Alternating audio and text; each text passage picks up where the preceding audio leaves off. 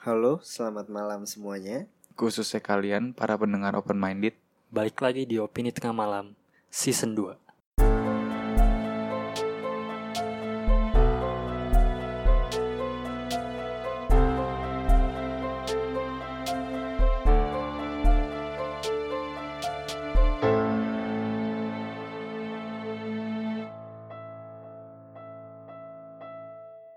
Ya, balik lagi di part 2 Asik. Kita dengan di hari yang sama cuma beda partnya aja. Karena kelamaan kalau seandainya gua tetap bantai di part 1 mungkin bisa sejaman. Karena ngeriaknya gitu kan. Nah, ini udah selesai nih, Holocaust udah selesai. Yoi. Ini pun belum masuk ke konspirasinya kan sebenarnya. Oke, kita react dulu gimana menurut lo dari tiga kesaksian orang yang lolos itu. Hah, menurut gua sangat kejam dan sangat menguras air mata anjir kalau seandainya dia mengingat masa-masa kelam itu sih. Sedih sih. Dari tiga itu mana favorit lo? Gue kayaknya sih ini deh yang Gua lah. yang Henry, Henry. iya Henry. Gua sih gitu. Jadi gimana nih lu pada percaya tidak Holocaust itu ada antara ada Ada kayaknya sih cuma jumlahnya belum apa sih? Belum pasti. Iya bukan bukan fakta. Masih Tapi yang gila sih maksudnya kalau denger ceritanya mereka bandingin sama hidup kita sekarang Iya. Gila. Beda jauh ya. gue gak bisa bayangin deh tuh kalau gue di hidup di zamannya dia udah kayak gimana anjir Mungkin kita pernah ya kok. tapi tapi kayak, kayaknya kayaknya gue kalau seandainya emang hidup di dunianya di saat itu dan gue masuk camp konsentrasi gue nggak akan mungkin gue nggak akan mikir sampai anjir lu harus hidup bim gitu kayak udah kayaknya gue udah udah udah mati di sini kayak Iya. iya. keluarga gue pasti udah hilang di situ yang gue pikirin bukan orang lain tapi diri gue sendiri gitu gue mau mikirin keluarga gue keluarga gue juga udah pasti disiksa gitu loh ngeliatnya juga nggak tega kayak lu ngelihat orang yang lu sayangin tuh mati di depan mata lu gitu loh dan udah udah mati pun diperlakukan secara nggak nggak nggak wajar kalau Iya. dari cerita mereka gitu gimana Fat lu lu survive gak nih Gue tahu sih. kalau udah masuk situ udah nggak ada motivasi buat survive lagi Iya. ya. Dia aja butuh berapa udah tahun ada kan? soalnya udah masuk situ udah keluarga nggak tahu ke mana Udah pasti say atmosfernya di sana juga bergabung Iya, keluar. bersama orang-orang yang ada harapan hidup ya. tadi katanya saya tidur dan pas saya terbangun saya ngelihat kiri kanan aja bisa jadi kiri kanan lu udah mati orangnya. Paling kalau kita anjir pertama hari pertama mungkin, eh, anjir mati anjay. Ya gitu. tapi kalau berikutnya paling kayak ya tewas lagi gitu kan. Gila pembunuhannya tuh bener-bener kacau gitu. Mungkin gue kasih tahu aja kenapa lu pasti kepo nggak kenapa perang dunia tuh Nazi itu kalah Hmm. Iya sih. dengan begitu powerfulnya dan akhirnya dia kalah. Kalau lu nonton Dunkirk, lu nonton saat itu lu nonton apa? Aduh, Winston Churchill itu apa ya yang menang Gary Oldman menang Oscaris? Churchill Judulnya Oh, Dark Hour apa? Darkness, Darkest Hours. Iya. Itu menceritakan tentang perjuangan mereka di last last minute. Kalau Inggris kalah saat itu. Jadi Jerman itu udah menguasai semuanya. Jerman udah menguasai semuanya. Yang tersisa nih yang gue baca ya hasil research gue tentang Holocaust sebenarnya. Yang tersisa tinggal Inggris. Inggris negara yang masih bertahan. Prancis abis kalah parah. Prancis abis kalah parah. Ekonominya masih hancur. Jerman udah di atas angin dia mikir ya Inggris doang kecil. nggak ada apa-apanya. Hmm.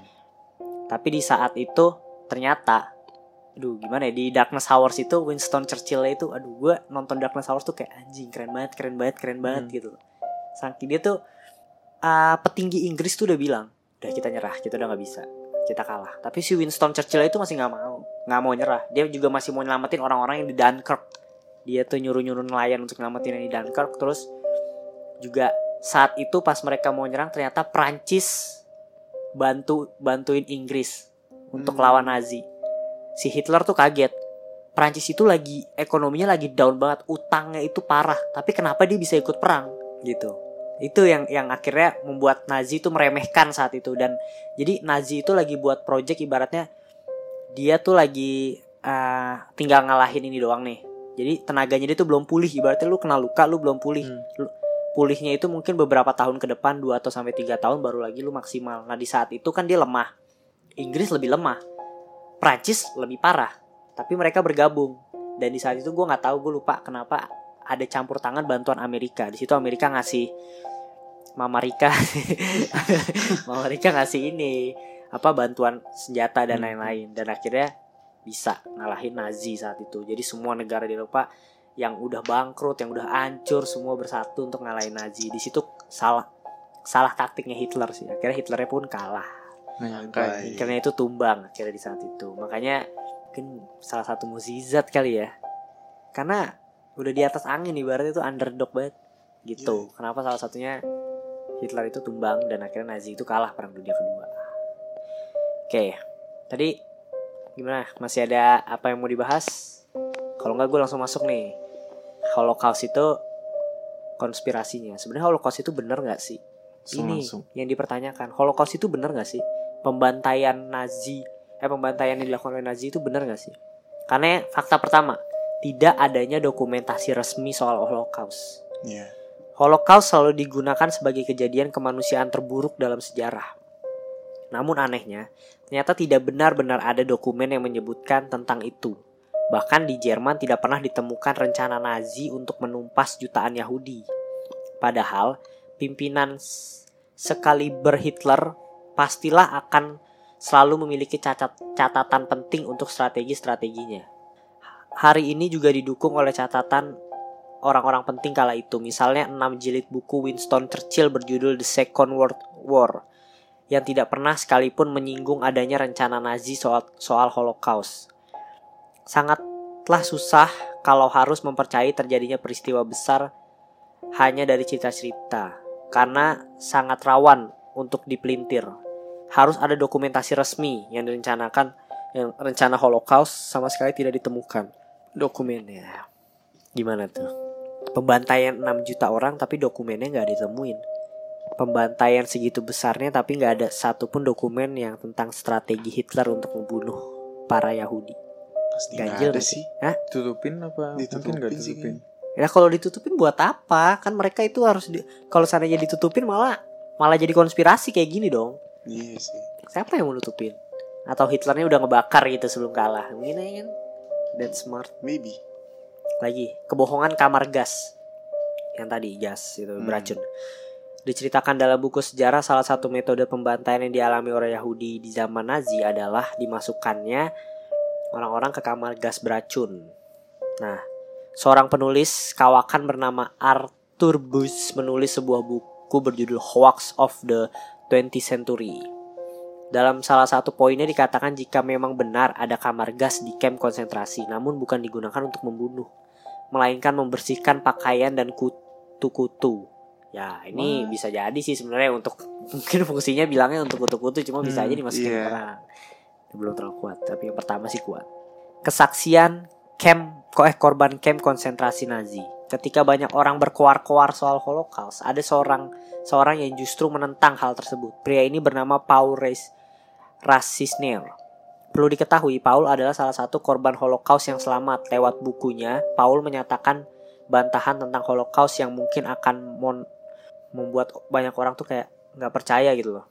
Dikatakannya jika dulu Nazi tidak pernah mengelontorkan kebijakan soal pemusnahan Yahudi, ia juga menulis tidak adanya penyiksaan kamar gas dan juga orang yang meninggal pun tidak sebanyak yang diklaim sekarang. Dia bilang nggak ada kamar gas, nggak ada pembantaian sebanyak 6 juta. Cuma mungkin gimana ya? Nanti deh kita baca dulu semuanya. Kebungkaman dunia, matinya 6 juta orang secara keji tentu bukan hal yang kecil. Namun anehnya ketika peristiwa ini terjadi, dunia seolah bungkam. Negara-negara netral tidak menge- mengecam Nazi.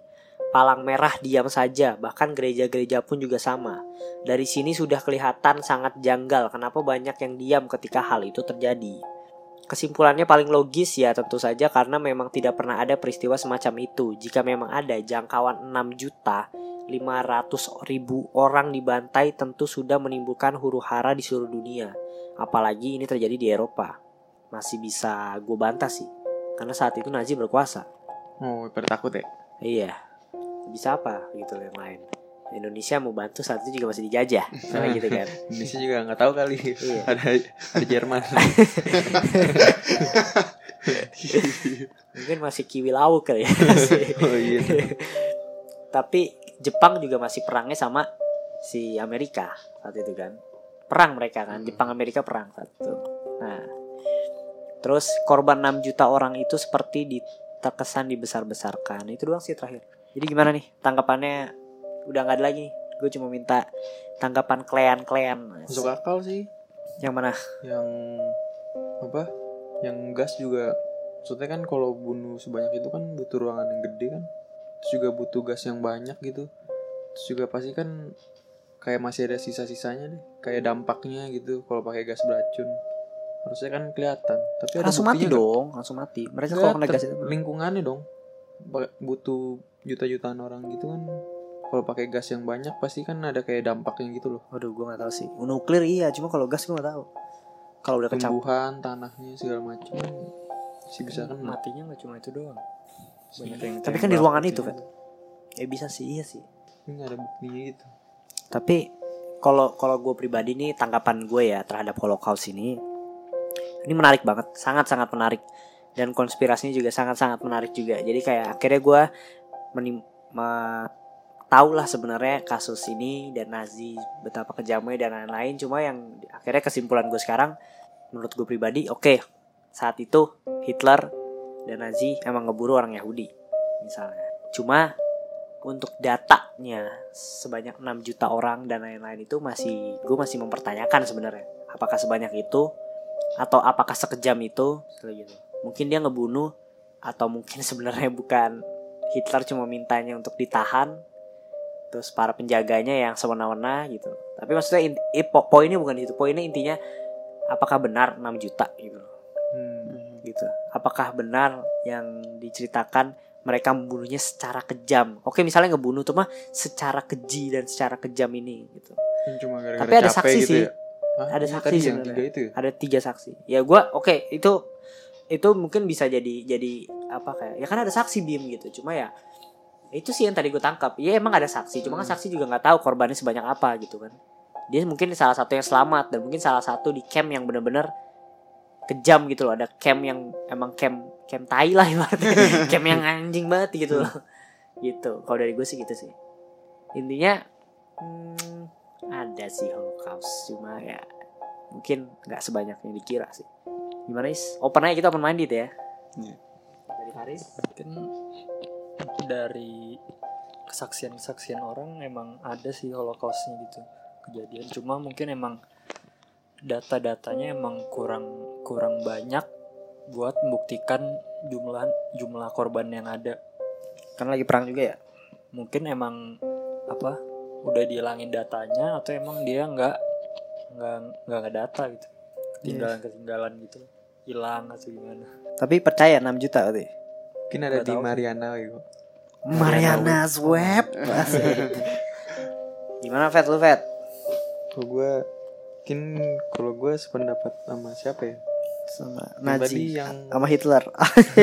Gila dah lo. keluar Fat apa ya jadi yang holocaust itu ada dulu ada ya bim ada, ada. ya mungkin ada kali tapi mungkin bukan ya yang lo bilang yang nggak bunuh secara kejam kali mungkin meninggalnya juga cuma gara-gara ya kerja gitu kayak dijajah ya. kalau kita misalnya dijajah gitu terus kecapean terus akhirnya meninggal bukan Ya tapi kejam ya. gitu ya. Itu kejam, Iya, Fat. juga maksudnya bukan yang ya Oh, bukan iya, pakai yang gas gitu nggak maksudnya gitu ya gue ngerti. bukan kayak pakai gas ya, Tapi kalau gue tanya gini, aja. eksperimen, gimana eksperimen dilakukan Nazi, oh iya tadi ada juga ya eksperimen ya kalau itu itu real sih.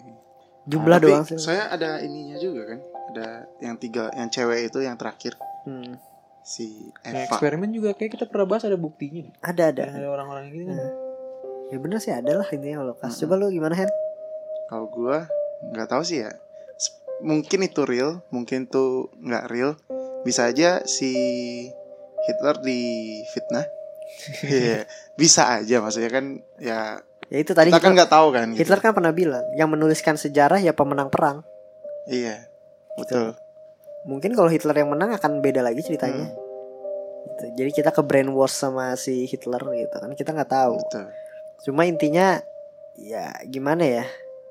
Gue nggak tahu lah endingnya kalau seandainya Nazi menang tuh kayak gimana. Cuma akankah lebih buruk, akankah lebih baik gue nggak tahu. Cuma intinya poinnya di situ sih karena Iya. dari kecil juga kita udah diajarin dan mau segimanapun lu nyari nggak ada lu nggak mungkin nggak bakal nemu anjir. Beda sampai sih yang artikel Nazi baik. ya makanya nggak bakal nemu Nggak ada kan ya? paling cuma kayak sejak misalnya paling kayak sejahat jahatnya Nazi ini kebaikan yang dilakukan misalnya Iya. paling kayak gitu nggak ada yang Nazi itu baik sebenarnya bohong itu nggak ada gitu karena kan dari kecil gue taunya Nazi itu jahat udah. iya iya dari film-film kita juga udah Oh, dikasih tahu kan Iya, betul. makanya sampai sekarang ya sulit juga untuk untuk untuk mengubah persepsi orang-orang sekarang juga dan kalau gue juga percaya sih yang yang Nazi lakukan itu jahat asik maksudnya maksudnya pembantaian itu ada gitu loh Cuma yang tadi masalah jumlah sih gue nggak tahu. Cuma sama motif dari Hitlernya sendiri pun gue nggak tahu kenapa dia ngebantai Yahudi. Paling kuat yang tadi karena dia merasa rasnya itu paling tinggi. Gitu. Terus juga ya intinya ini pembahasan yang sangat-sangat sensitif harus open aja karena juga di luar sana di Jerman sebenarnya ada kepelajarannya Hmm. mereka mempelajari sejarah na- na- Nazi itu cuma mereka melarang keras agar tidak timbul Hitler-Hitler berikutnya. Ada kok tadi di Reddit juga ada Iya kan? ada orang nanya di Jerman tuh diajarinnya gimana. Hmm. Dia bener-bener diajarin sampai detail, Hmm. sampai pokoknya detail deh, nggak ditutup-tutupin ke orang Jerman itu. Hmm. Tapi dia juga simbol-simbol Nazi di sana juga udah di Dihilangkan. Makanya kan Ahmad Dhani pernah kena kalau salah ya. Hmm, Dia gue lupa deh kayaknya pernah deh. bikin video klip Iya. cuma dia pakai jaket yang ada simbolnya Gila. Karena itu simbol yang Jerman lagi takutnya ya mungkin buat dia anjir Nazi zaman dulu keren cuma itu menjadi sebagian untuk sebagian orang akan menjadi timbulnya orang kayak ih boleh gue make gue make akhirnya eh sabi kita buat yuk termotivasi termotivasi akhirnya timbul Hitler Hitler berikutnya gitu loh jangan sampai lah gitu tapi setahu gue sampai sekarang masih ada sih yang dukung Nazi gitu Eh, orang Jerman atau orang luar? banyak orang luar juga Oh banyak orang luar juga. neo Nazi kalau nggak namanya Hmm. siapa namanya Neo-Nazi. neo Nazi iya sih cuma ya gitu sih sebenarnya Tapi banyak juga yang setuju sama pemikiran si Iya. Hitler. jadi pengikutnya sampai sekarang masih ada cuma nggak yang menyembunyikan diri Hmm. gitu nggak nggak nge-expose diri ya kayak di Nazi doang sebenarnya ya kan? Cuma gue nggak ya udahlah nggak bahas lebih lah. Pokoknya kalian tahu. Kayak gitu aja sih. Holocaust thank you banget buat Dimas. Dimas Abimanyu. Hartono. Harto asik. Gue udah lupa nama nama belakangnya anjir. Asik. Dan gue ingetnya cuma unyuk asik. Thank you banget buat buat sarannya. Dan ini salah satu pembahasan yang menarik banget jadi dapat ilmu kan lu sejarah kan lu bahas sejarah belajar. kan. Konspirasi sambil belajar. Sejarah gue selalu jelek sih. sih ini gue bahas kayak lu. Kan udah sejarah pernah negara udah, sendiri lagi. Iya. lu udah lolos aja dia. Jadi gitu aja sih dari opini tengah malam konspirasi dan jatuhnya sejarah. Open aja ya open minded pendengar open minded pokoknya gue yakin sih yang dengerin sampai sini sampai habis tuh udah pasti lu open minded gitu. Yoi. untuk konspirasi selanjutnya bisa saran atau mungkin bisa DM kita di Twitter juga ada Instagram ada gitu. Oke sampai berjumpa di episode opini tengah malam berikutnya